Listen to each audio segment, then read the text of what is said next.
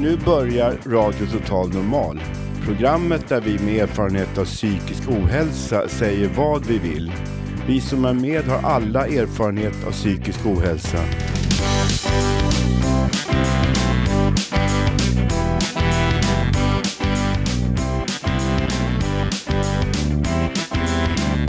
Du lyssnar på radio Total Normal. 101,1. Total Normalt. Radio Total Normal, torsdagar från två till halv fyra. Vi livesänder med publik från Götgatan 38 i Stockholm. Kom hit och lyssna. Här är alla röster lika värda.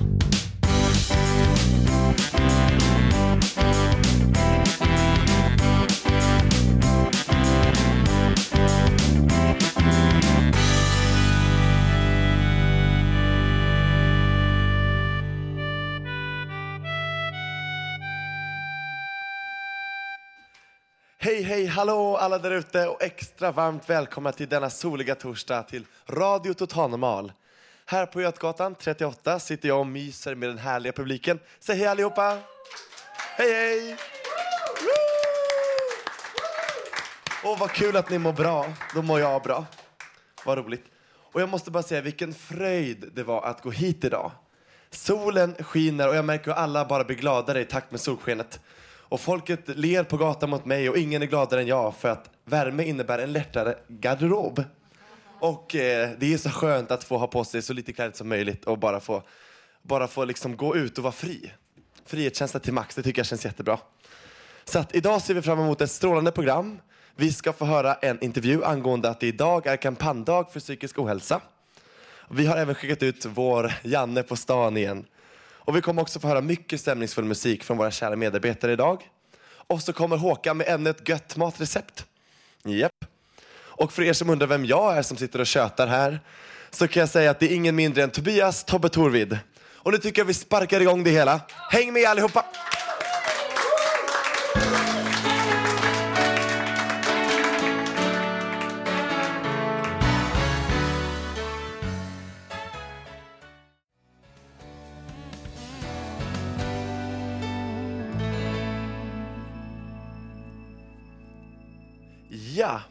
Och som sagt så är det alltså idag, det är idag som det är kampanjdag för psykisk hälsa. Som jag sa innan. Och det är Järnkoll som håller i den här kampanjdagen, 3 maj då, varje år. Och det har varit en rad manifestationer i stan och runt landet idag. Och här bredvid mig har jag äran att presentera Järnkolls ambassadör Jenny Ström. Tack så mycket. Tack. Hejsan, välkommen hit Jenny. Tack. Ja, kan du börja med att berätta lite om vad det är som händer idag? Nu har jag haft så fullt upp så att jag har faktiskt inte riktigt hunnit tänka mig ut vad som händer i landet. Men det finns att läsa på Järnkoll och de klickar man på manifestationer 3 maj så står det där. Men de flesta har varit redan runt om i landet. Okej. Eh, jag kommer själv direkt från Sergels torg där vi har haft en manifestation. Eh, får jag berätta om det? Absolut, varsågod. Tack. Eh, de placerade ut stolar i, som ett H med såna ut, frågetecken, eller vad heter det, parentes runt, som är, är deras logga. Och, eh, och så pratar man och så visslar de och så vart det tyst. Och så skrek någon nu bryter vi tystnaden! Och så började alla prata igen. Och så just där. Och det här är mycket det det handlar om, att bryta, våga bryta tystnaden om om de här bitarna. Jag brukar ta ett lätt exempel att om du och jag skulle vara arbetskamrater och så kommer du och så börjar du bete dig illa mot mig och så blir du borta från jobbet och så kommer du tillbaka och så säger du så här, förlåt Jenny, jag har haft, jag har haft en hjärntumör som kanske då påverkade. Det är ju, det är ju det är jättekul, ska vi fika säger jag. Men om du kommer tillbaka och säger så här, du vet, jag har haft en psykos. Jag menar, det blir inte riktigt samma va? Tyvärr. Och det borde vara det. Eh, och det är lite grann det det handlar om, att bryta tystnaden, att, att det är så självklart att vi har, vi har depressioner, vi, man har funktionshinder, ADHD, Asperger och alla de här bitarna. Borderline, schizofreni, allting finns och vi måste prata om det. Alla känner någon. Så är det. Mm, det stämmer. Och eh, hur är du involverad i Järnkoll? Och lite så. Eh, för till, nu har vi precis fått eh, förlängt tre år. Mm. Eh, och eh, det här är ett projekt då, då, ett på uppdrag av regeringen faktiskt. Ja. Eh, och projektet går ut på mycket att spräcka hål på myter om psykisk ohälsa på olika sätt. Eh, jag är en av dem som, jag tror att det just nu är ungefär 200 utbildade att ambassadörer för det här projektet. Och det innebär att man åker ut till företag och berättar sin egen historia. Eller till ja, vem som än anlitar en och berättar sin egen historia eh, på olika sätt. Och det är mycket Eh, som jag uppfattat det så är det många, de som beställer, det är många sådana här som be, be, bemötande, lära sig att bemöta på rätt sätt och så. Så att det är väldigt mycket viktigt det här. Jättebra. Och varför har Järnkoll infört en sådan här dag? För, att- alltså det är för att manifestera, för att visa, för att synliggöra de här problemen. ehm, är det. Och då tycker jag att det förra året så hade jag ett annat event. Men det kan vara precis vad som helst. Det kan ju vara föreläsningar, det kan vara en lokal dag, det kan vara på nätet eller vad det är för någonting. Så att, Hur många år i rad har ni haft? eh, oj, nu, det var du, nu tog du med det. Nu tog jag det. Jajamensan. Ehm, jag har ju inte varit med från början som ambassadör, utan jag kom in efter ett par år i projektet, tror jag. Ett och ett halvt, år i projektet. Ja, vad kul. Och eh, för de som inte eh, vet, vill du berätta om din tid då i, i Järnkoll lite, när, när, hur det var när du kom in och sådär? Ja. Ja. Eh, jag, bland annat så... Nu har ju jag kanske en liten annan... Jag har ju, duktig, jag är föreläsare redan och pratar redan om, mycket om hjälpmedel och ADHD och Asperger. Eller kompenserande hjälpmedel, kognition och kommunikation. Så att, eh, oftast när jag är ute så pratar jag mycket. Jag har bland annat varit med anlitat de här tillgänglighetsprojekten och haft såna webbaserade eh, sändningar där man har visat hur man kan göra för att enklare komma ut i arbetslivet och sådana saker. Men, eh, men också att man åker ut och möter, imorgon ska jag till, nej, det var inte järnkoll. Men alltså jag åker ofta ut till folkhögskolor, alltså sådana saker, så att åker runt och berättar på olika sätt att, att medvetenhet göra de här bitarna. Skriva artiklar i tidningar, sådana saker. Vad Aktiv på viktigt. Facebook och sånt, så det är bara håll utkik på Facebook så borde jag ha gjort någonting de sista 48 timmarna i alla fall. Jättebra. Jenny. Och då undrar vi såklart, hur kan vi vara med och engagera Ja. oss och kanske inför kommande år? då? Det, det vill jag verkligen, för det här är alltså en årlig manifestation. Va, 3 maj varje år. Och det tar ett tag att anordna sådana här saker, allt från tillstånd till att få det i land. Men jättegärna idéer på vad man skulle kunna göra. Ni har, ju, ni har ju era grejer, ni har ju ångestparaden och loppet, alltså de här andra saker. Hur, kom gärna med idéer, men i god tid. Ett par månader innan i alla fall nästa år, men men löpande innan. Och det är bara att gå in och kontakta Järnkarl eller mig eller, eller be Fountain House eh, föra vidare den informationen. Vad som helst, och kul ska det vara tycker jag. Ja, Ja, eller hur? Alltså det ska ju vara positivt, så känner jag. Det är viktigt. Exakt. Det är det budskapet vi tillsammans vill sprida. Precis. Jättebra, men då får jag tacka dig jätte- jättemycket Jenny Ström för att Tack du så kom mycket. hit. Tack. Tusen tack.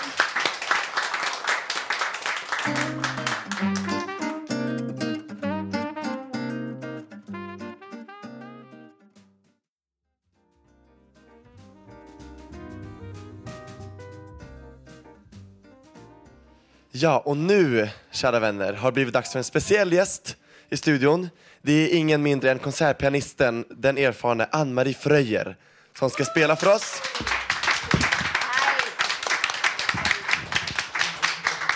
Hej! Hejsan Ann-Marie. Jag vill, jag vill önska dig hjärtligt välkommen hit till programmet. Stort tack för det.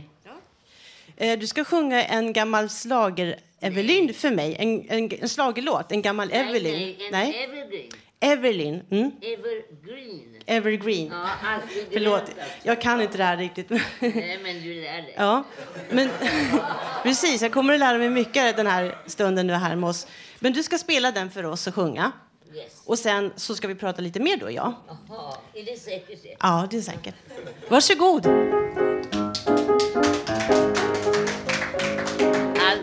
To get you in a taxi, honey. You better be right about a half past eight. No, honey, don't be late. I'm gonna be back when the band starts swinging. Remember, honey, when we get the honey to stick, babe, I'm gonna have them all. I'm going to dance off both my shoes. When I hear those General Blues, yes, tomorrow night at the Doctor's Brothers Ball. Det kommer ett jönsigt solo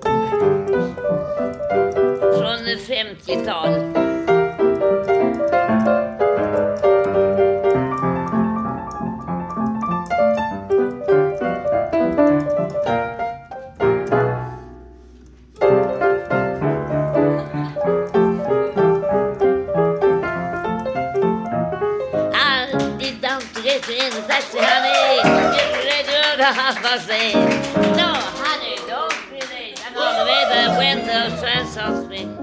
Remember, honey, when we get there, honey, Tuesday we're gonna have them all. I go to that for put my shoes when I hear those general blues. Yes, tomorrow night. Yes, tomorrow night. It's the dark sound. It's the dark sound. It's the dark sound. Is born.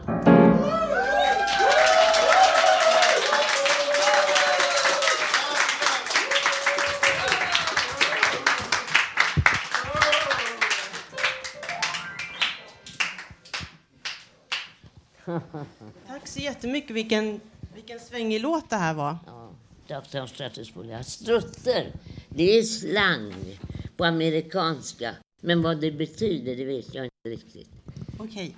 Stratuspool, Da- Dark Town Stratuspool. Dark Town är ju eh, den här, vad heter det, mörka stan. Vet du vad det strutter? Vad det betyder? Du, jag tänkte fråga dig lite frågor nu. Vi kan lägga undan den där, det blir för mycket. Eh, visst är det så...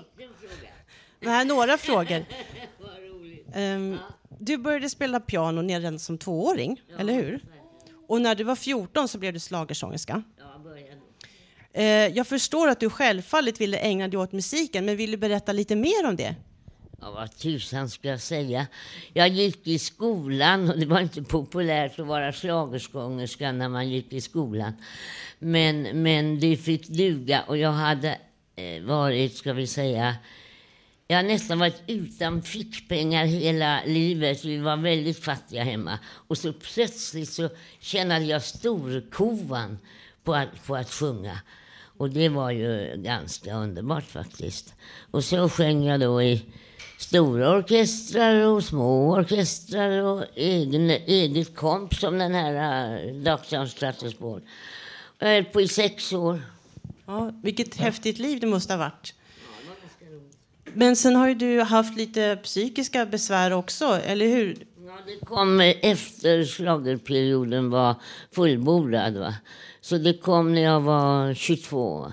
Du kommer ner i någon svacka då? Ja, ja det är ju någonting som ingen människa kan begripa sig på. Att man plötsligt eh, bara blir alldeles stum. Och, o- eh, obehagligt var det ju också. För att ha en tom hjärna när, när man vill umgås med människor, det, det önskar man sig ju inte. Nej. Hur, Och jag hade ingen medicin då. Men eh, vill du berätta lite, du hade ju en karriär då, hur såg ditt liv ut då? Med din, med din, jo, du hade en karriär som, som musiker och sen så hade du din bipolära sjukdom. Hur, hur såg det ut? Hur såg ditt... ut och ser ut. Jag fick ju den då när jag var 22 som jag sa. Och då var det långa perioder med depressioner och när man inte kunde prata. Va? Men jag spelade på ändå. Och då gjorde jag den upptäckten alltså att, att jag inte spelade sämre när jag var deppad. Och det var en underbar upptäckt faktiskt. För det skulle man ju kunna tänka sig va. När man inte vill någonting och, och, och, och det är bara svart, va? gråsvart. Va? Så att eh, jag jobbade på som vanligt. Och jag hade inte många konserter, men jag hade en del. Och jag var lika intelligent när jag studerade in mina saker när jag var deppad som när jag var uppåt. Så, det, så det var ingen nackdel, kanske snarare en fördel för dig att hålla, en fördel att hålla på med musiken? Ja, det tycker jag. Därför att en, en, en mani är väldigt svår att styra. Det märker väl du när jag eh, sa en massa grejer till dig när, jag kom hit, va? Det var ingen fara.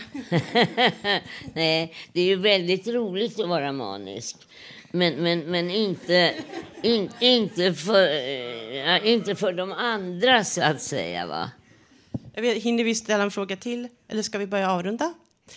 Eh, vi kan ställa, eh, vi kan, inte- det, det är programtiden här som kanske löper ut. Men tror du att ditt bipolära sjukdom hade varit annorlunda utan musiken? Hur i himlens namn skulle jag kunna säga någonting om det? Det var en dum fråga. Ja, jag menar herregud, man, man, är, man har musik i sig. Eller man har inte, eller man har mer eller man har mindre och, och sådär va. Ja, jag ska få tacka dig jättemycket. Och, Du är förtjusande Lisa. och, och nu ska du spela en till låt för oss. Ja, Vad är det för något? Eh, en schlager till. Vi tar I double dare you. I dare you to kiss me, and then I dare you to kiss me again. Tack så jättemycket.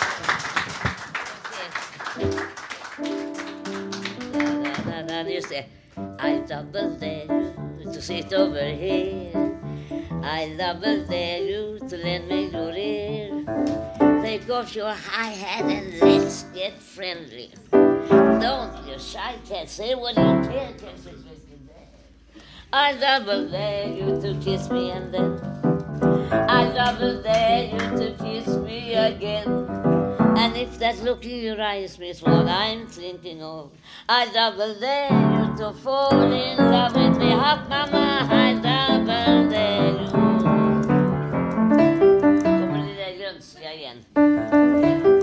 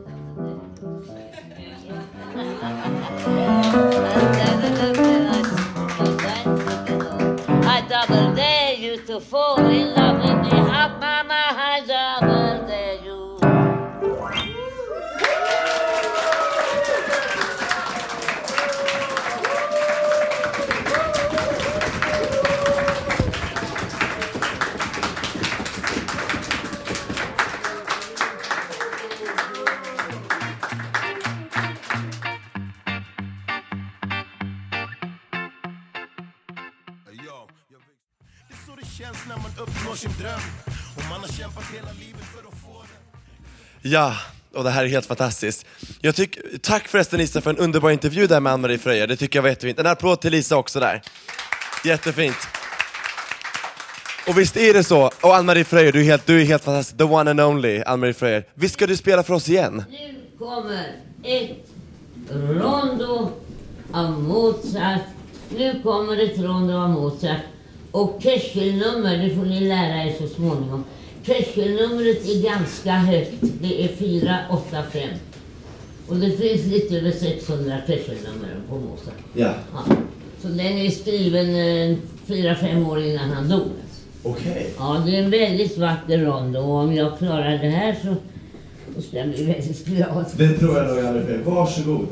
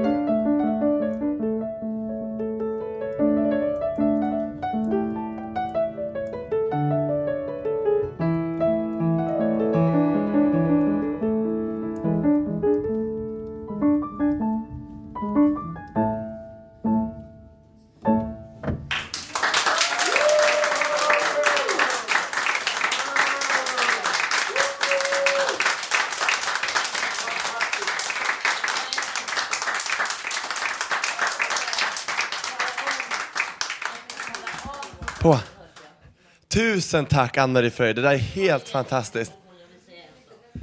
En, en, en snabb sak. En snabb sak. Det här var en lite förfalskad Mozart. För de hade nämligen sagt att programtiden var för lite fransad i kanten, eller vad jag ska säga. Så eh, den här, eh, slutet på den här Mozart, det var mera Fröjer än, eh, än Mozart. Jag säger det till, ja, ja, ja, jag säger det för dem, för dem som eventuellt känner till stycket. Ja, medan Ann-Marie pratar så ska vi gå till eh, Ungredaktionens reportage. Och då har Mr X eh, frågat Erik och Alex hur det är att vara ung inom psykvården idag. Ja, det här är Mr X som har funderat lite grann på det här vad som händer efter att man har fått vård inom psykiatrin. Och då tar jag en återblick här hur det var på 80-talet. Så var det ju så att man hamnade alltid på de stora sjukhusen. Men eh, så är det inte längre. Och efter att man hade hamnat där så fanns det mycket eh, olika aktiviteter när man kom ut därifrån. Och nu hör man ingenting, nu ser man inte någonting på RSMO-föreningen. Det finns inga ungdomar som kommer till RSMO-föreningarna. Det finns inga ungdomar som kommer till träfflokalerna. Och man vet inte hur det är med arbete och så. Arbetar ungdomarna idag? Eller vad gör de? Vad är det som händer när man har mått dåligt eller fått problem och ska komma tillbaka? Jag har frågan till ungdomarna här och jag har ett par som sitter här så att eh, jag är spänd på att höra hur deras tillvaro är nu. Ja, jag bor hemma och sen går jag hit ibland. Förut gick jag på kravatten. Jag brukar göra mer grejer förut faktiskt. Alltså, alltså problemet är att de sätter alla människor som typ så här sega och mår dåligt, så sätter de dem i en burk typ och så packar upp dem på ställen. Och sen så bara kör de ner varandra i botten typ. Jag har pratat med många som har berättat om hur de eh, sitter hemma eller har gjort det i långa perioder. Många spelar väldigt mycket dataspel, för mycket. Och många fortsätter alltså att bo kvar hemma hos sina föräldrar väldigt länge. Ni är ju en speciell grupp. Ni kommer ju hit och eh, har lite grann eh, samma inriktning som vi hade kanske i början på 90-talet. Men eh, där var ju då Samhall eftersom arbetsmarknaden var helt körd i botten. Det fanns inga jobb och det var finanskris och allting.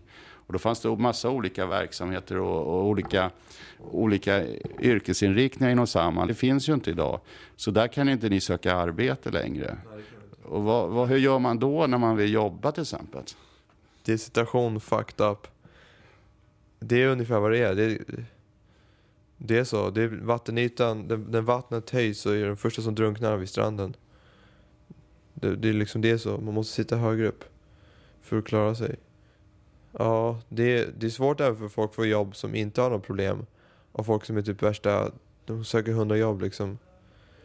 Det är lite, det är knas alltså idag. Det, det som är idag tror jag, det är också det här du pratar om ADHD och sådana saker. Det fanns ju inte tidigare, så många fick ju schizofreni-diagnoser utan att ha det. För det, man kände ju inte till de här äh, åkommorna överhuvudtaget. Så att jag tror det har betydelse. Och eh, de människor som är i, i 60-årsåldern idag, de har ju tagit sig fram genom eh, svartarbete och, och, och Eh, sin pension. Då, då. Det är så de har levt, de som är inom situationstecken lyckade, alltså som har återhämtat sig till stor del. Alltså, vi pratar ju lite om två olika saker här. Mr X pratar mycket om eh, psykossjukdomar och schizofren och, och så. För att, eh, och, och själv då så har jag erfarenhet från ett annat håll då, att jag har andra diagnoser och har träffat många ungdomar som, som uh, har samma. Och det är olika problematik och jag tänker mig att det som funkar för en grupp funkar inte för en annan. Och precis, precis som du var inne på då det här att, att många som uh, hade ADHD, förr visste man inte vad det var, så då fick de en sån här uh, schizofrenidiagnos kanske eller vad som helst bara för att de skulle ha en diagnos. Det är, eh, det är många som har, egentligen har ADHD som har fått diagnosen bipolär sjukdom. Men jag tänker mig att det behövs olika saker för de här grupperna. Själv hade jag aldrig blivit sjuk, det vill säga deprimerad, om jag hade haft någonstans att bo och en inkomst. För mig blir det så skevt när man försöker bota eh, de här problemen med eh, psykofarmaka och terapi. Det som väldigt många skulle behöva det är ju ett helt annat stöd i skolan. Det är ofta där det börjar spåra ur. Va? Det är sant, det har du rätt i faktiskt. Känslan av när man, så här, första gången tänker jag, när man Ja. hamnar i psykiatrin. Ja, första kontakten med psykiatrin, det rent generellt alltså på 80-talet var ju det att man ganska snabbt transporterades till något av de större sjukhusen och sen eh, fick man medicin och så blev man hemskickad om man hade tur. Jag vet inte hur det är nu. Jo, jag vet också, jag har hört att man nu ska försöka att inte ge neuroleptika regel, regelbundet till, till nyinsjuknade utan man ska få samtal och sådana saker så att man inte ska börja ge en mediciner överhuvudtaget. Är det så att man får mindre medicinering idag? För jag åkte in, de, alla äter sprexa. Du ska, jag kommer att säga, du ska alltså Suprexa liksom. Och så var det liksom, det var lagen där. Om du var inne där och skulle låta Suprexa, då sa jag jag var schizofren och bipolär och sånt. Jag vet inte vad de sa. Så jag har ingen av de diagnoserna. Jag har aldrig haft de diagnoserna heller. Men det var ju så det gick till. Det är så folk tänker när de ska typ... De, de, de, de, de säger vad som passar dem själva. Så de vet jag ska alltså äta Suprexa, säger de du är schizofren. Därför ska jag alltså äta Suprexa, men det, det är motiv. Det är som vanligt, alla håller på med det. De är ganska dryga där. De fattar inte själva hur det går till riktigt. De vet inte vad de håller på med.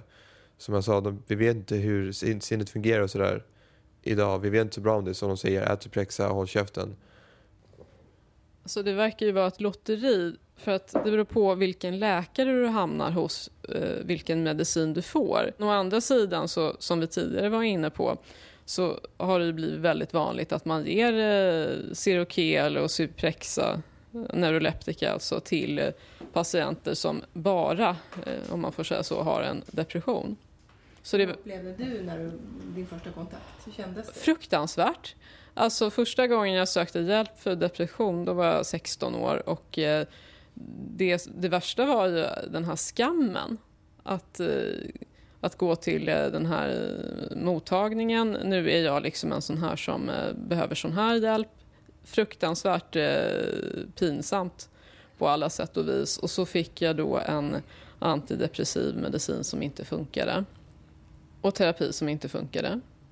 Och det, och det jag egentligen skulle ha behövt, det var ju eh, hjälp med väldigt praktiska saker då, situationer, skola och så vidare. Det var ju det som hade behövts. Ja! Applåd till det, verkligen, verkligen. Helt rätt. Och nu är det dags för ett utav Tommys härliga gitarrsolon. Vad ska vi få höra idag? Jag ska spela en tango från Sydamerika. Jag har gjort ett um, lite flamenco-inspirerat arr på en tango som heter um, El Choclo. Varsågod. Mm.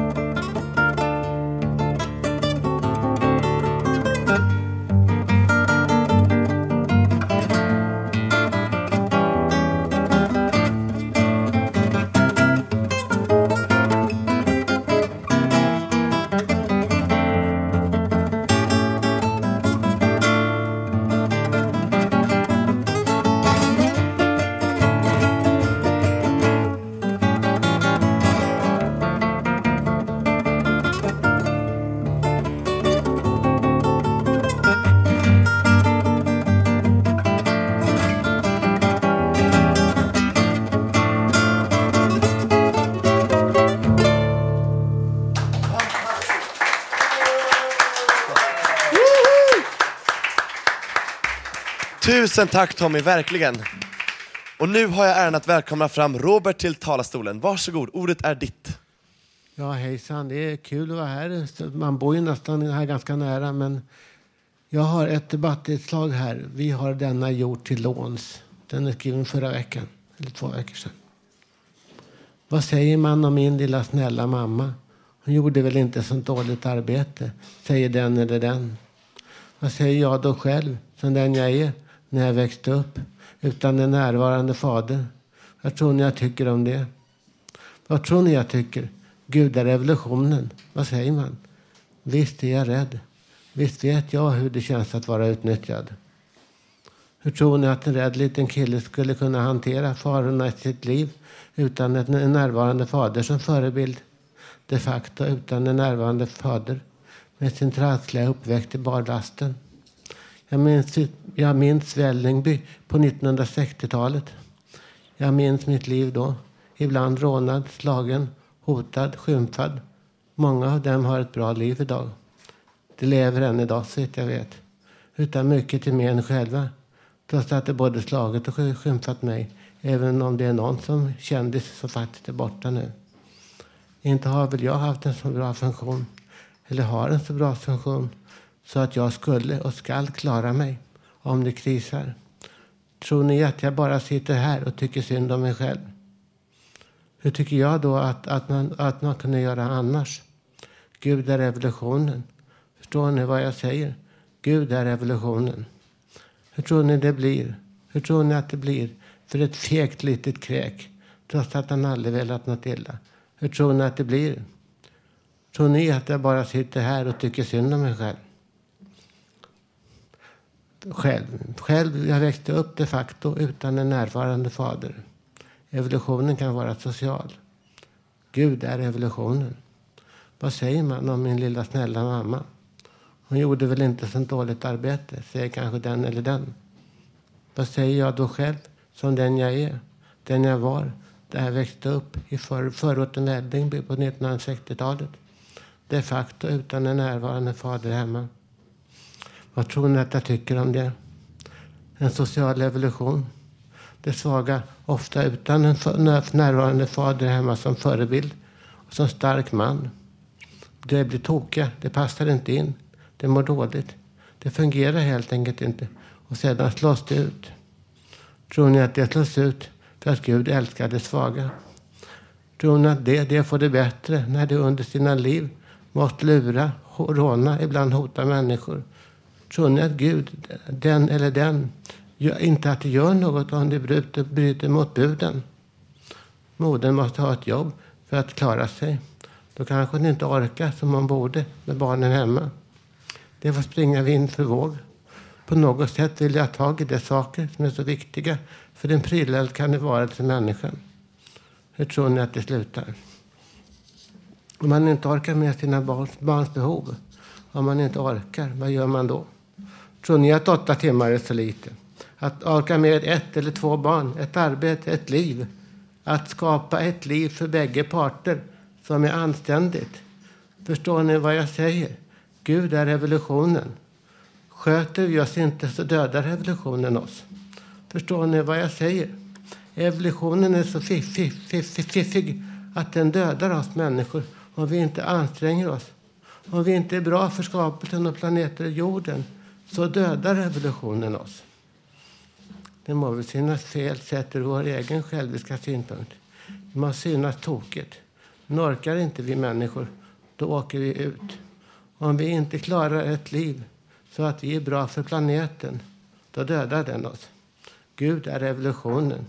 Förstår ni vad jag säger? Gud är revolutionen. Vi lånar bara planeten av evolutionen. Sköter vi oss inte, då dödar planeten oss. Vi bygger hus som når upp till himlen. Vi skrapar skinn med våra skapelser. Våra stackar blir bara större och större. Vi bygger, vi bygger, vi bygger. Gångar, tunnlar, vägar. Vi gör, vi gör om allt det där vi får fram. Vi skitar ner, vi dödar vår planet. Vi bygger, vi bygger, vi bygger. Tunnlar, vägar, hus. Vi gör på gott och ont om allt det där vi får fram. Vi skrapar himlen med våra väldiga torn. Våra stackar är bara större och större. Även när vi ibland förändrar de regler som gäller. Förstår ni vad jag säger? Evolutionen kan vara social. Den kan vara en social strävan efter att återigen bli vad vi var i vårt tidiga livs gemenskaper förvarelsemänniskan. Vi strävar tillbaka till den lyckliga tid då vi levde i harmoni med naturen i paradiset med Gud. Vi strävar tillbaka. Men andra saker i vår funktion gör att vi slår kroppen för oss själva när vi ändå faktiskt utvecklas som varelser. Vi har bara den här lilla planeten till låns. Den är inte vår egendom. Vi har den bara ett tag innan, innan Gud eller revolutionen tar bort oss. Trots att vi själva tänkte vi är så himla fantastiska. Vi bygger större och större stackar. Vi bygger längre och längre tunnlar. Våra torn skrapar himlen med sina tinnar. Vad säger vår planet om vi inte sköter den som vi borde? Den sociala evolutionen dödar oss. Allt som vi har så kärt. Förstår ni vad jag säger? Evolutionen kan vara social och samhällelig. Och städerna kan bli en del av vår evolution. Den sociala evolutionen tar bort oss om vi inte är bra för vår älskade värld. Förstår ni vad jag säger? Orkar vi inte, då dör människan. Passar vi inte in, då går det inte. Vi har bara detta till låns av universum och de krafter som styr oss. Förstår ni vad jag säger? Tack för mig.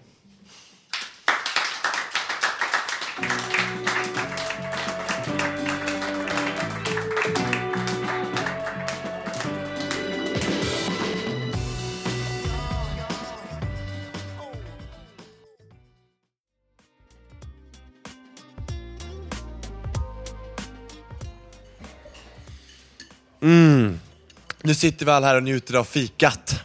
Och idag bjuds det på kladdkaka, jättegott. Så att ett hett tips till alla er där ute, om ni vill komma hit och vara publik, då bjuder vi på fika. Då kan det vara ni som sitter här och mumsar med oss nästa gång. I alla fall, nu har det blivit dags för lite karamell här. Nu ska vi eh, föra ett litet inslag ifrån eh, när jag var med på eh, SVT-programmet Minuten. Kör igång Gustav.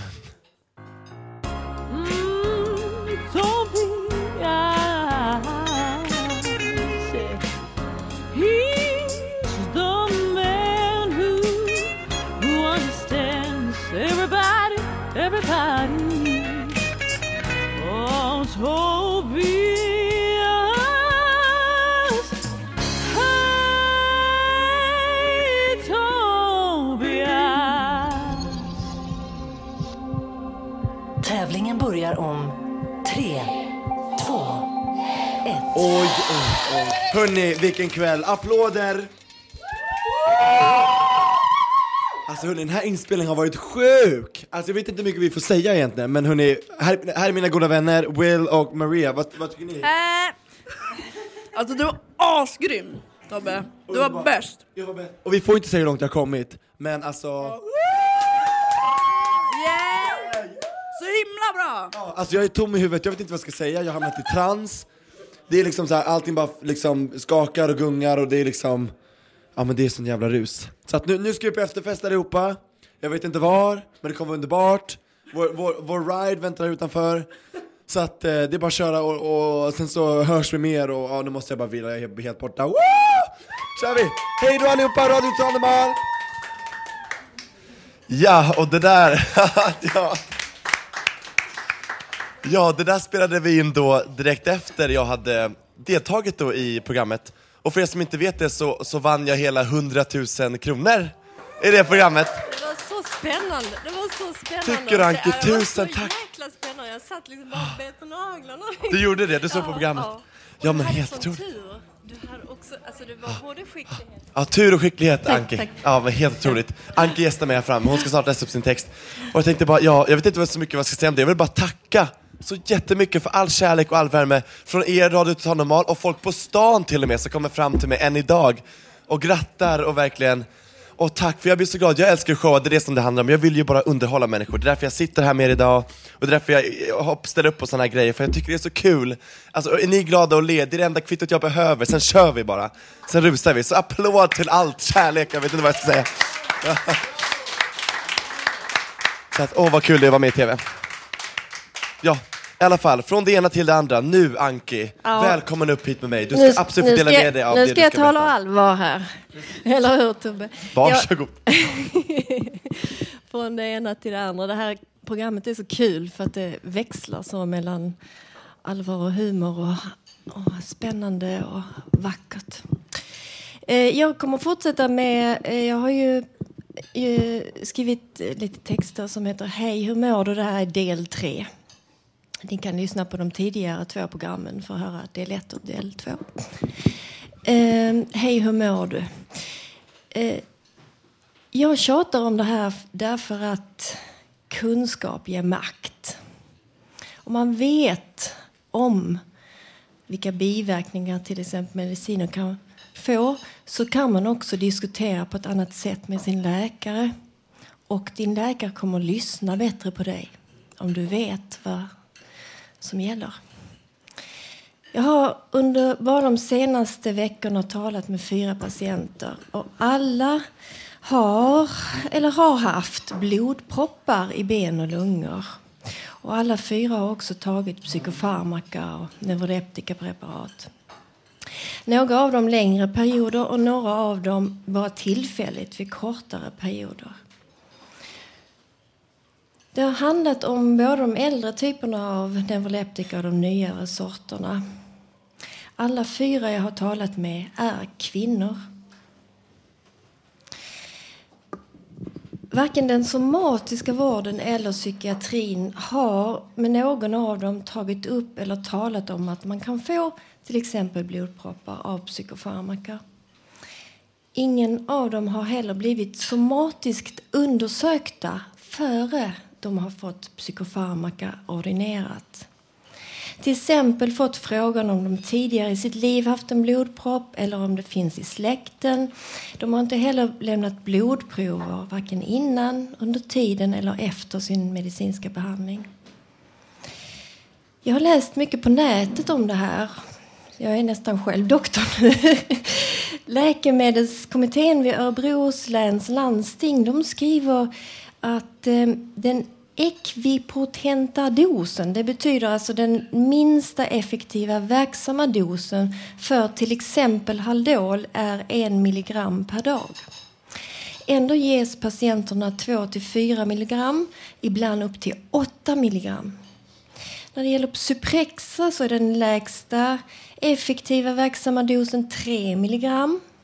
Men man ger mellan 5 och 20 milligram, ibland till och med 40 milligram trots att det står inte i fast att så höga doser ska man inte ge. Det tycker jag är ungefär som att säga man blir glad i hatten av ett eller två glas vin.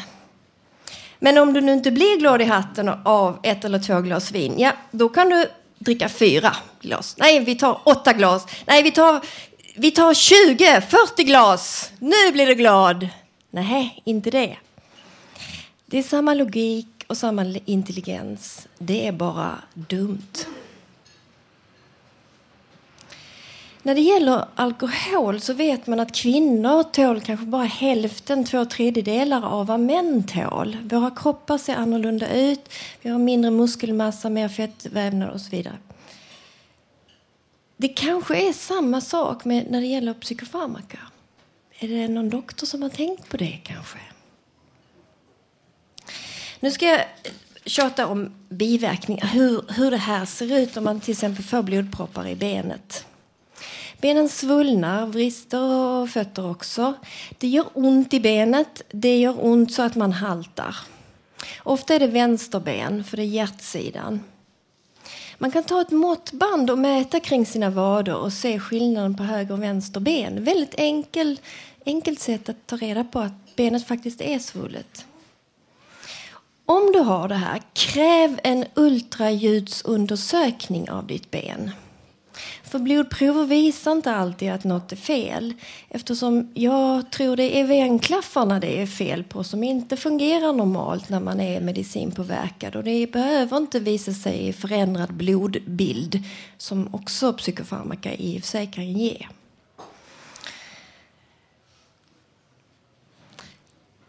Eh, om man går obehandlad med blodproppar eh, i benen så kan flagor av dessa blodproppar lossna och följa med blodflödet upp till lungorna där det finns små finmaskiga små kärl där de fastnar. Och då får man lungemboli. Och det kan vara livshotande. Symptomen på det är, lyssna noga. Du blir extremt trött och orkeslös. Sover 12-14 timmar och ändå trött. Går du till doktorn med det här kanske han säger att ah, det kan ju bero på att du är deprimerad. Men det är inte alltid så. Svimningskänsla eller svimningsattacker vid minsta ansträngning. Ihållande torrhosta som inte går över. Andfåddhet och andnöd.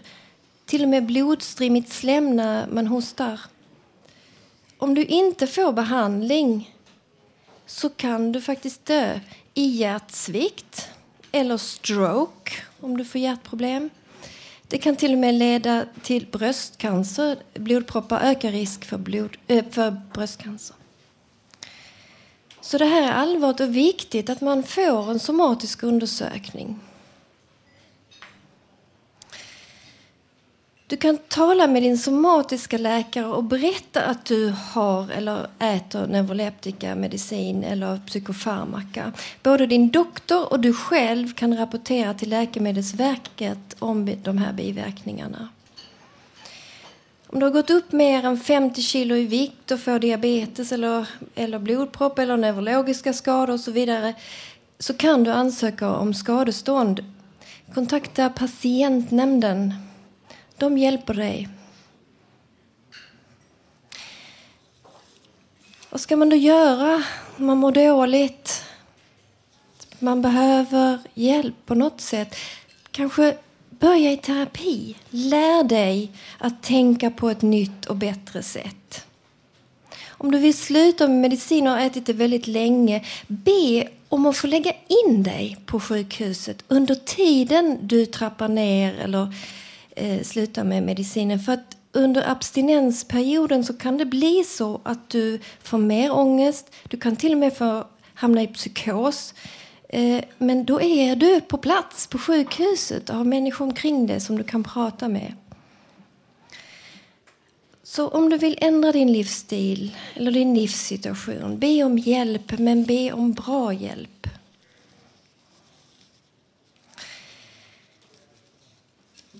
Jag bad en av de här fyra kvinnorna som jag har talat med eh, om blodproppar att komma hit och, idag och träda fram och berätta.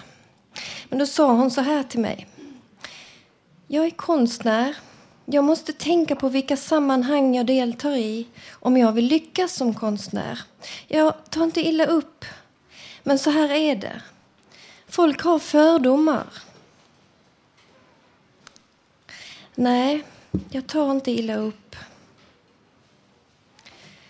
Så där var det också för en och annan flata och bög på 70-talet då det ännu klassades som psykisk sjukdom att vara homosexuell enligt Socialstyrelsen. Tobbe, har du hört på maken? Ja, om du frågar mig, så precis, det är helt... Ja, det, det är, ja. Vad ska man säga, någon måste ju bana väg va? Alltså om, om, alla hade varit, om vi hade varit så försiktiga, då hade vi inte suttit här idag. Nej, tänk att du och säga. jag vågar vara här Ja. För då, för oss är det självklart. Mm, För att om vi ska mm. bekämpa fördomarna, Ja. då ska vi inte gömma oss. Då ska Ja. vi liksom inte... Och, vi, och, vi, och vi uppmanar alla redan etablerade och framgångsrika konstnärer och alla möjliga politiker eller vad de än jobbar med, Ja. komma hit och vittna och säga att de har haft problem med sin psykisk, psykiska hälsa men ändå lyckats i livet, blivit Precis. framgångsrikt och bra. Ja, fråga de som har kommit hit, det var jättekul. Eller kanske just därför bli, lyckas, för att Exakt. de vet hur det är att vara svag. Mm. Mm. Ja, Jättebra, tack så Anki. mycket. Tack Anki, tusen tack!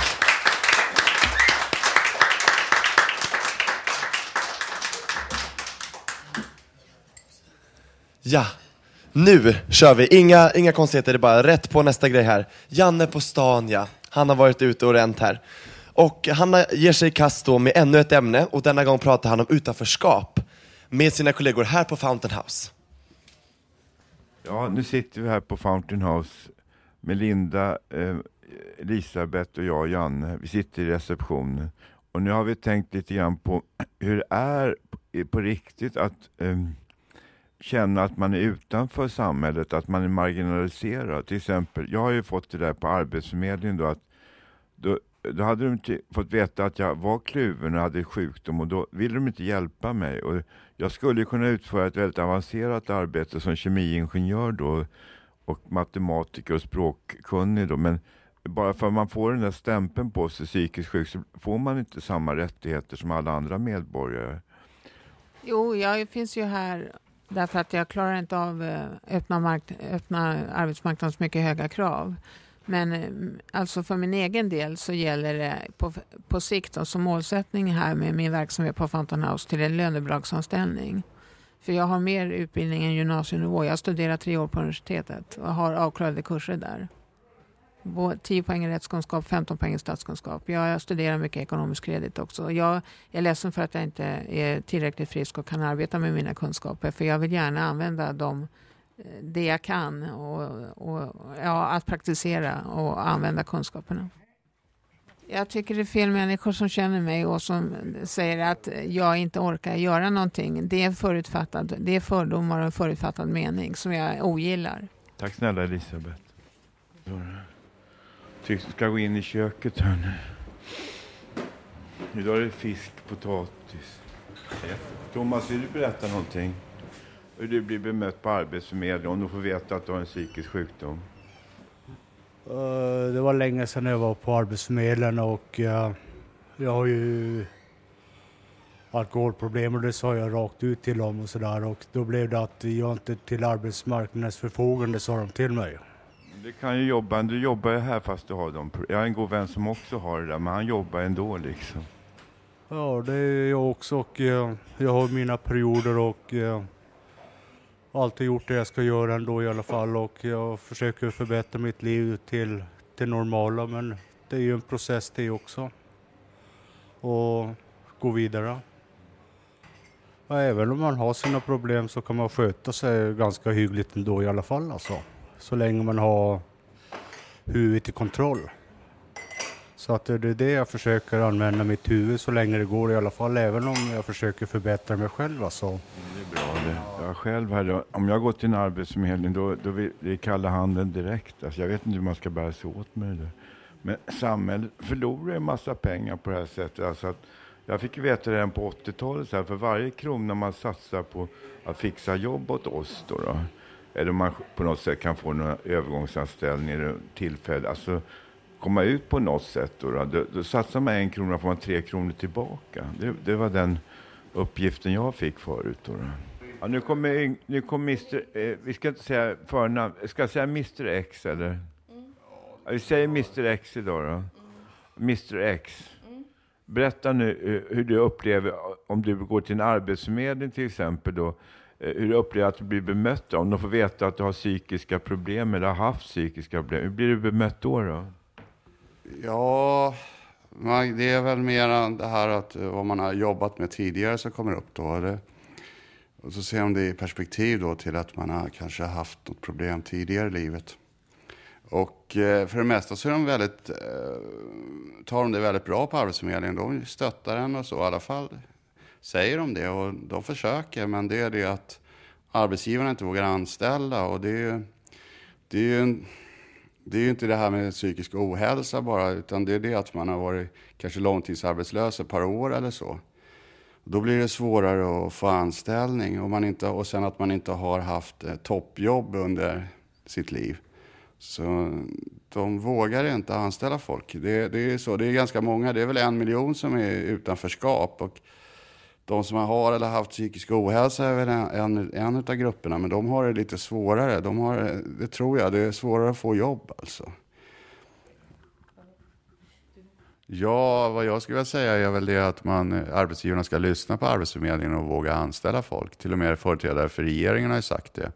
Och eh, det är ju så också att, som jag sa tidigare, att de flesta blir ju av med sitt så kallade handikapp eh, som har haft psykisk ohälsa. Så de kan ju bli lika arbetsföra som alla andra människor. Så att, men man måste, man måste ju anställa de här människorna nu när, när 40-talisterna har gått i pension. Så att det, det är ju så. De som är födda på omkring 60-talet och, och, och eh, yngre, de, de måste ju ta över här nu några år. Tack Yngve, det kommer vara jättebra att du kom precis som på beställning. Ja.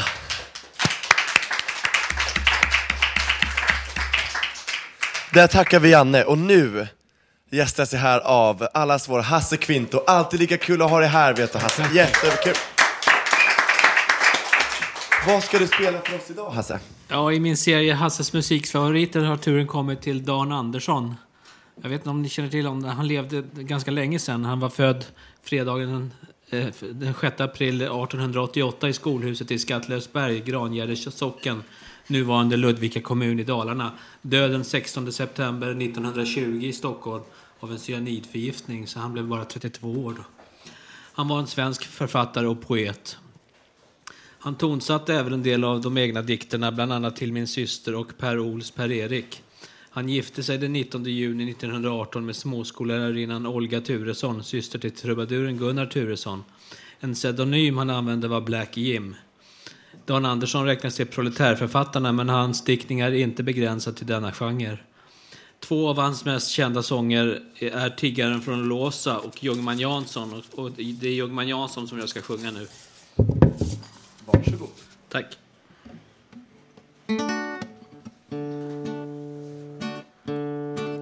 Hej och hå, Ljungman Jansson, medan friska morgonvinden Sista natten rullat undan och Konstantia ska gå Har du gråtit med din Stina, har du kysst din mor på kinden? Har du druckit ur ditt brännvin? Så sjung hej och hå.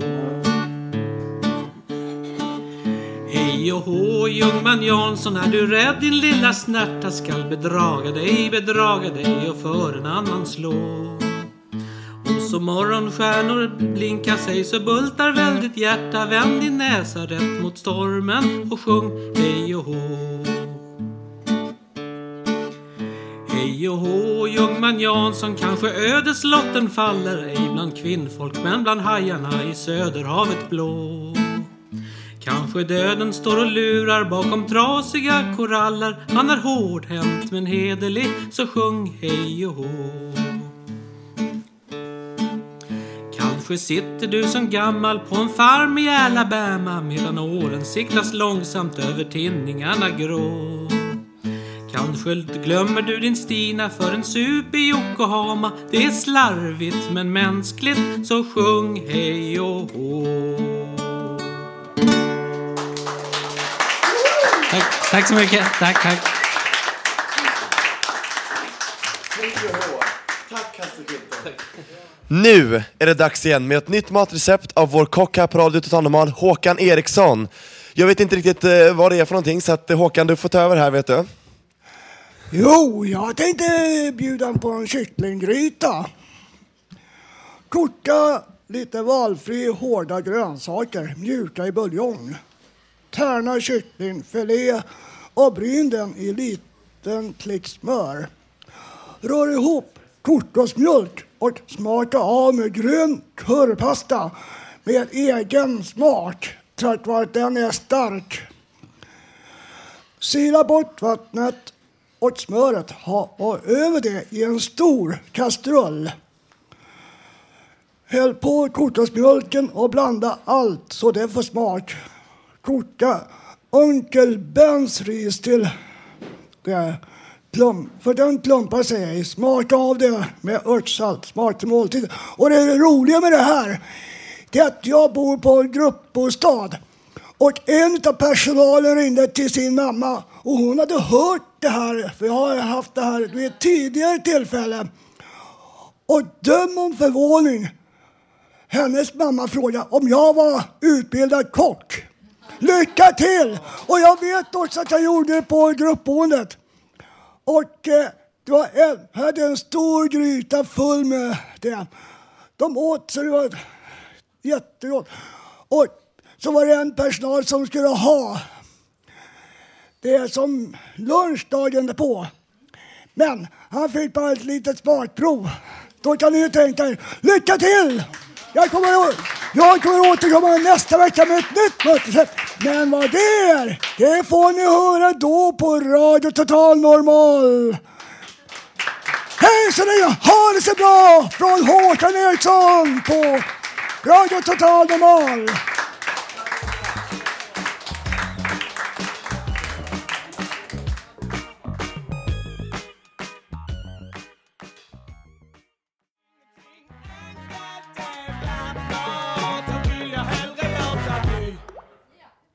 Ja, då är vi tillbaka igen här hörni.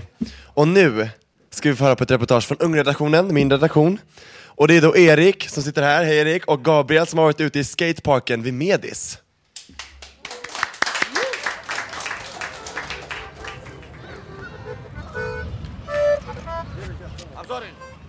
Ja, tja läget?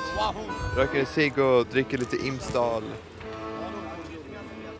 Vilket jag antar är, är vitaminer och mineraler och allt som kroppen behöver. Ja, det, är, det är underbart när det känns som att det är det enda man vill göra hela tiden, men det kanske kan bli jobbigt i längden. Vart har du tänkt åka sen? Ja, nu går vi från musikanten och över... eh, Vad fan heter det här? Gräslätten vid parken här. Björn, Björns trädgård. Ja, det ja, skönt idag att det blir mer typ vår nu. Ja, det är sant alltså. Och Gabriel försöker klättra över stängslet. Det finns inget annat sätt att ta sig över än att klättra över stängslet. Vi fast bara stäng och nu är vi uppe i skateparken här. Och eh, Gabriel laddar upp. Ja, han ska göra dropp nu. Från, alltså dropp är när man hoppar ner från rampen. Ställer brädan på kanten och åker ner. Jag önskar honom lycka till. Han gör droppet och han är iväg. Nej, det, var, det var det värsta jag varit med om på länge. Det gick ganska bra tyckte jag. Ja, nej men det, det, ja, det, kändes, det kändes bra. Kan du göra en, en, eh, en grab också?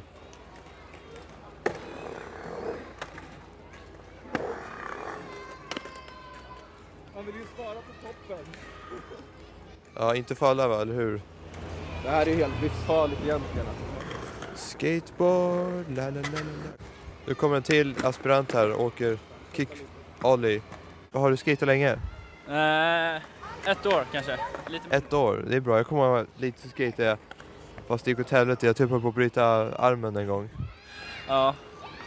Sen jag av. Det är som man får ta när man håller på med extremsporter.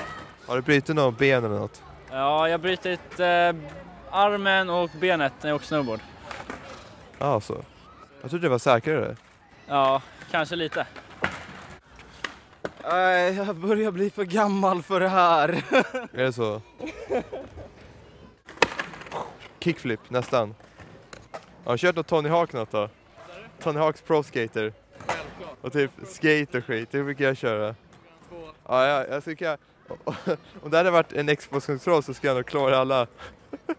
Nej, nu är det inte det så jag kan inte åka alls. Oh, en switch. Bra, bra åk där.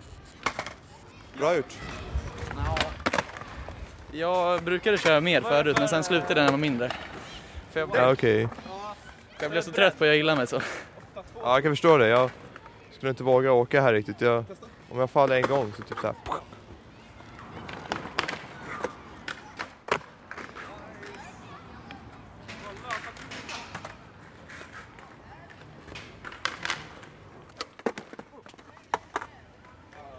Ja, känner du att du lär dig något idag?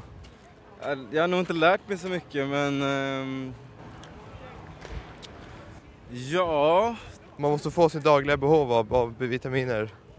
Ja, det måste man. För att kunna koncentrera sig och skata bra och sådär. Det är viktigt att dricka sin mjölk och dricka sina... Allt det där. Ehm, man ska hålla sig undan från allt, allt som är dåligt. Ja, precis. I varje fall tills man blir myndig, tycker jag. Ja, just det. Ja. Tror du att det är det då?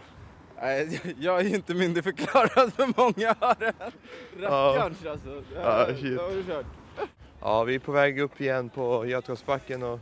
Ja, det här gjorde vi bra, Erik. Ja, jättebra. Det kommer bli en riktig hit det här. Jag menar, ärligt talat. Sen så handlar det inte väl om vad kreti tycker liksom.